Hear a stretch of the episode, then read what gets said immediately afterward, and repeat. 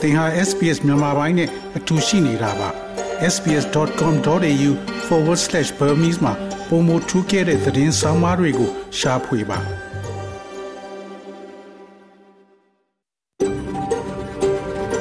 SBS A world of difference You're with SBS Burmese on mobile, online and on radio. mobile online နဲ့ radio ပေါ်မှာသင်ဟာ SPS မြန်မာပိုင်းနဲ့အ တူရှိနေတာဖြစ်ပါတယ်တော်ရရှိမြတ်ကျက်တိမင်္ဂလာဖျားဖျားနဲ့ပြည့်စုံတော်မူကြပါစားခင်ဗျာဒီနေ့အောက်တိုဘာလ10ရက်စနေနေ့မြန်မာပိုင်းစီစဉ်များကို SBS Radio မှစတင်အသံလွှင့်နေပါရခင်ဗျာယနေ့စီစဉ်များကိုကျွန်တော်ကြော်ထွန်းအောင်ခေါ်တယ်ရိုအောင်ကတင်ဆက်သွားမှာဖြစ်ပြီးယနေ့ပါဝင်မဲ့အစီအစဉ်များမှာတော့ Australia စစ်ပွဲများကအဘေနီဆိုတဲ့ဆောင်းပါး Australia တွင် အသေးစားလုပ်ငန်းတစ်ခုစတင်ခြင်းဆိုတဲ့ဆောင်းပါးတန်ရွေခက်ကပေးပို့ထားတဲ့စစ်ဆောင်စခန်းကမိခင်လောင်မြဘဝဆိုတဲ့သတင်းဆောင်ပါတို့ဖြစ်ပြီးဒီနေ့ကောင်းကြီးပိုင်းသတင်းတွေကတော့ထိုင်းနှိတ်ကလေးထင်းချောင်းရှိရာထိုင်းဝင်ကြီးချုပ်သွားရောက်နှင်သိမ့်ညူဆဝေမျိုးကများ Danger Day အတွက်အာတင်ထား VOA ဆောင်ပါရှင်စစ်အာဏာရှင်ကအလုံးနဲ့ထောင်ဒဏ်၃နှစ်ချ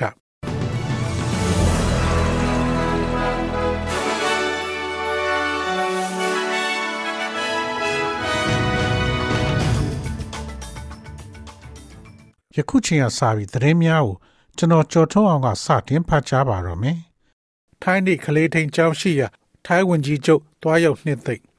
ထိုင်းမြောက်ပိုင်းက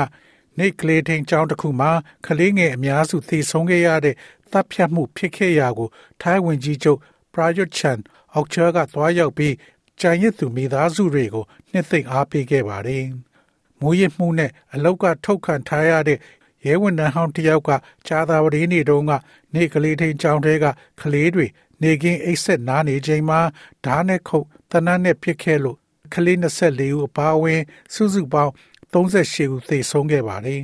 ။ထိုင်းနိုင်ငံမှာအခုလိုကလေးငယ်အများပြားပါတဲ့အစုလိုက်တပ်ဖြတ်ခံရမှုအတွက်နိုင်ငံတော်ဝန်ပူဆွေးသောကရောက်နေကြပါတယ်။အခုလိုထိုင်းနိုင်ငံမှာဖြစ်တဲ့စိတ်မကောင်းစရာဖြစ်တဲ့ American နိုင်ငံကိုစား အထူးဝန်နဲ့ခြေခွေအကြောင်းနဲ့မိသားစုတွေနဲ့အတူဆုံးရှုံးမှုကိုထပ်တူခံစားရကြောင်း American နိုင်ငံသားရေးဝန်ကြီးဌာန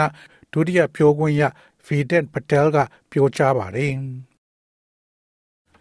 New South Wales မြို့ခံများ Danger Day အတွက်အားတင်ထားပြည်내တဝမ်းမိုးတီထန်းစွာရွာသွန်းနေသဖြင့် ယနေ့စနေနေ့တွင်အန်ရီနေဟုရည်ညွှန်းထားသည့်အတွက်ကြိုတင်ပြင်ဆင်ထားရန် New South Wales ရဲ့ဒေသခံများအားသတိပေးထားပါသည်။လက်ရှိတွင် မြေပြိုနိုင်ပွဲရှိသည့်မြေပြိုမှုများဖြစ်နိုင်ကြောင်းအာဏာပိုင်များကသတိပေးခြင်းနဲ့အတူရေကြီးမှုသတိပေးချက်62နေရာအတွက်ထုတ်ပြန်ထားပါတယ်။ညူဆာဝေကာယိုဒန်ကိုဥတီရွှေလျားနေတာကြောင့်မိုးသီးထန်းစွာရွာသွန်းနိုင်ပြီးရုတ်တရက် ရေကြီးနိုင်တယ်လို့မိုးလေဝသဌာနကသတိပေးထားပါတယ်။6နာရီကြာမိုးရိပ်ချိန်စုစုပေါင်း30မှ50မီလီလီတာရှိသော Central Tableland ဟန်တဒေတာနှင့်မြို့တော်ဆင်နီတို့တွင်ခံမှန်းထားသည့်ဆိုဆွတ်သောရာသီဥတုအဆိုးဝါးဆုံးဖြစ်သောတိကျဒေတာများတွင်မိုးရေချိန်80မီလီမီတာထိရရှိနိုင်မယ်လို့ခံမှန်းထားပါသည်။ VOA ဆောင်းပါးရှင် ဆေအာနာရှင်အလုံးနဲ့ထောင်တန်းသုံးတဲ့ချဗဟန်းမြို့နယ်ရွှေကုန်းရုံမုံအိမ်ယာတိုက်ခန်းတစ်ခုမှာ2021ခုနှစ်ဩဂတ်စ်15ရက်ကစစ်အာဏာရှင်ကအဲစီရင်ဝင်စစ်ရာကနေဖမ်းဆီးခံခဲ့ရတဲ့ VOA မြန်မာပိုင်းရဲ့ဆောင်းပါးရှင်ဦးစီသူအောင်မြင့်ကိုအင်းစိန်အချင်းထောင်ထဲမှာရှိတဲ့ပဇွန်တောင်မြို့နယ်အထူးတရားရုံးကထောင်ဒဏ်ချမှတ်လိုက်ပါတယ်။တမတော်ပြိုကွဲအောင်လှုပ်ဆော်မှုပုံမှန် 905ကအမှုအတွက်အလုံးနဲ့ထောင်ဒဏ်3နှစ်ချမှတ်ခဲ့တာလို့သူရှေ့နေကပြောပါတယ်။လူမှုမီဒီယာပေါ်မှာဦးစီသူအောင်မြင့်ရေးသားထားတဲ့စာသားကနိုင်ငံတော်နဲ့တမတော်ပြိုကွဲအောင်လှုပ်ဆော်ရေးသားမှုဖြစ်စေခဲ့တယ်လို့ဆွဆွဲပြီးတမတော်အကြီးညိုပြည့်စေမှု ပုံမှန်905ကနဲ့ပဇွန်တော်မြို့နယ်နဲ့ဗဟန်းမြို့နယ်မှာအမှုနှမှုနဲ့တရားစွဲခံရတာဖြစ်ပါတယ်။ ဦးစီသူအောင်မြင့်ဟာစစ်တပ်ကအာဏာသိမ်းပြီးနောက်ပိုင်း VOA သတင်းဌာနနဲ့ Frontier မြန်မာသတင်းဌာနတွေကိုတမတော်နဲ့အိမ်ဆောင်အစိုးရပေါ်မတရားဝေဖန်ဆန့်ကျင်တိုက်ခိုက်တဲ့သတင်းဆောင်မားတွေရေးသားပေးပို့တဲ့အတွက်ဖန်စီထိမ့်သိမ့်လိုက်တာဖြစ်တယ်လို့စစ်အာဏာရှင်ကဆွဆွဲပြောဆိုထားပါတယ်။ရုရှားနျူကလ িয়ার လက်နက်အန္တရာယ်အမေရိကန်သမ္မတသတိပေးအလုံးစုံပြတ်သုံးနိုင်တဲ့စစ်ပွဲဖြစ်နိုင်ခြေအန္တရာယ်ဟာ 1960ပြည့်နှစ်ပိုင်းတွေထဲကဆိုရင်အမြင့်ဆုံးကိုရောက်နေတယ်လို့အမေရိကန်သမ္မတဂျိုးဘိုင်ဒန်ကပြောကြားလိုက်ပါတယ်။ယူကရိန်းစစ်မှာ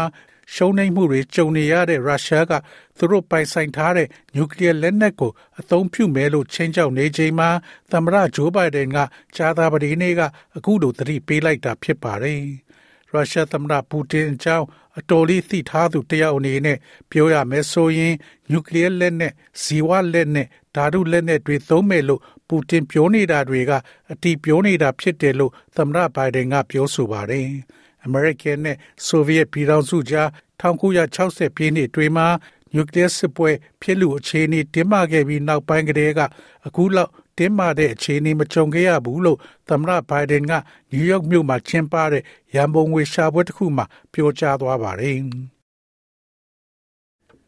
Human Rights Commission မှာ Australia ဆိုက၎င်းရဲ့စိတ်ပြတ်မှုကိုထုတ်ဖော်ပြောဆိုကုလသမဂ္ဂလူ့အခွင့်အရေးကောင်စီ HRC သည်တရုတ်နိုင်ငံရှိ လူနည်းစုများအပေါ်နှိပ်စက်ညှဉ်းပန်းမှုအပေါ်လေးနှစ်သောဆွဆွဲချက်များနှင့်ပတ်သက်လို့အခြေတင်ဆွေးနွေးမိမဟုတ်ကြောင်းပြောကြား၍ဩစတြေးလျအစိုးရကစိတ်ပြက်မိကြောင်းထုတ်ဖော်ပြောဆိုလိုက်ပါတယ်။ HRC သည်လူနည်းစုဝီဂါနဲ့စီဂျင်းဒေတာရှိ မွတ်စလင်များအပါအဝင် လူနည်းစုများအပေါ်လူအခွင့်အရေးချိုးဖောက်မှုများလှုပ်ဆောင်နေသည်ဟုဆွဆွဲမှုများအပေါ်အခြေတင်ဆွေးနွေးရန် HRC ကမဲခွဲဆုံးဖြတ်ခဲ့တာဖြစ်ပါတယ်။ဩဂတ်လအတွင်းကထုတ်ပြန်ခဲ့တဲ့လူအခွင့်အရေးဆိုင်ရာမဟာမင်းကြီးယုံရဲ့အစီရင်ခံစာအရလူသားမျိုးနွယ်ပေါ်ကျူးလွန်တဲ့ရာဇဝတ်မှုများကိုဆိုးဝါးစွာချိုးဖောက်မှုများဖြစ်ပွားခဲ့သည်ကို တွေးရှိခဲ့ပြီးနောက်ယခုလိုထွက်ပေါ်လာခြင်းဖြစ်ပါတယ်။ဒါပေမဲ့တရုတ်နိုင်ငံသည်အဆိုပါဆွဆွဲချက်ကိုစင်စစ်မပြတ်ငင်းဆိုထားပါတယ်။ Spit Hood အသုံးပြုခြင်းကိုတားမြစ်ဩစတြေးလျမြောက်ပိုင်းပြည်နယ်တွင်ရဲတပ်ဖွဲ့ကဖမ်းဆီးထိန်းသိမ်းခံထားရတဲ့လူငယ်များပေါ် Spit Hood အသုံးပြုခြင်းကိုတားမြစ်လိုက်ပါတယ်။ တခြားဩစတြေးလျစီရင်ပိုင်ခွင့်များနှင့်ညီဖြစ်စေသည့်ကြေညာချက်တွင်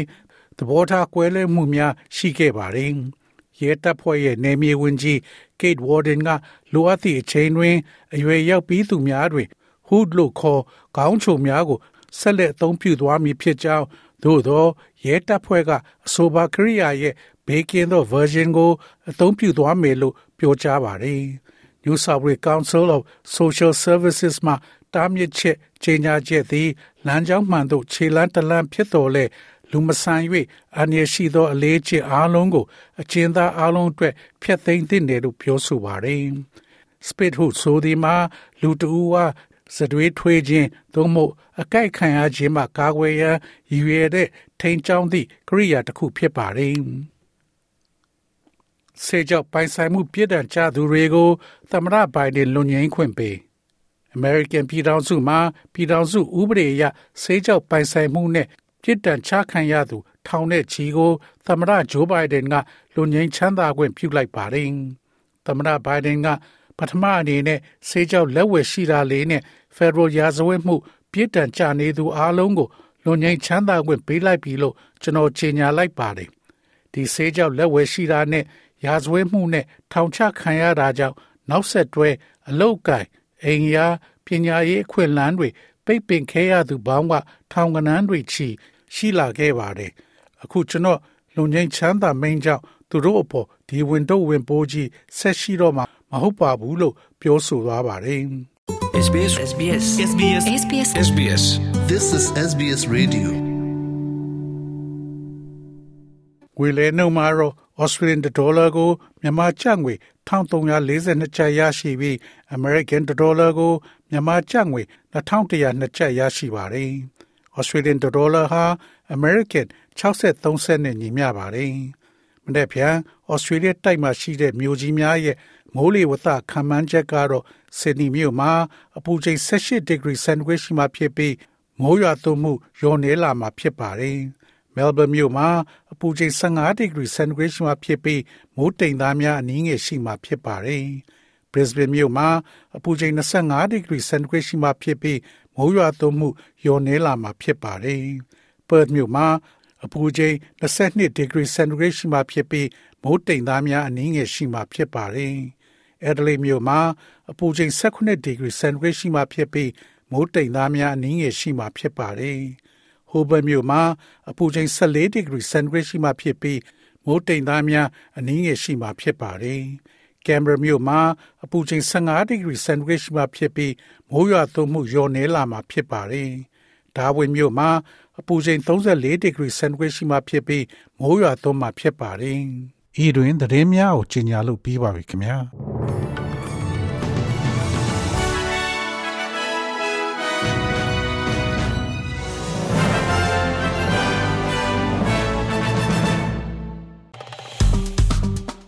SPS မြန်မာပိုင်းကို Facebook ပေါ်မှာ like ရှာပြီး like မျှဝေမှတ်ချက်ပေးပါ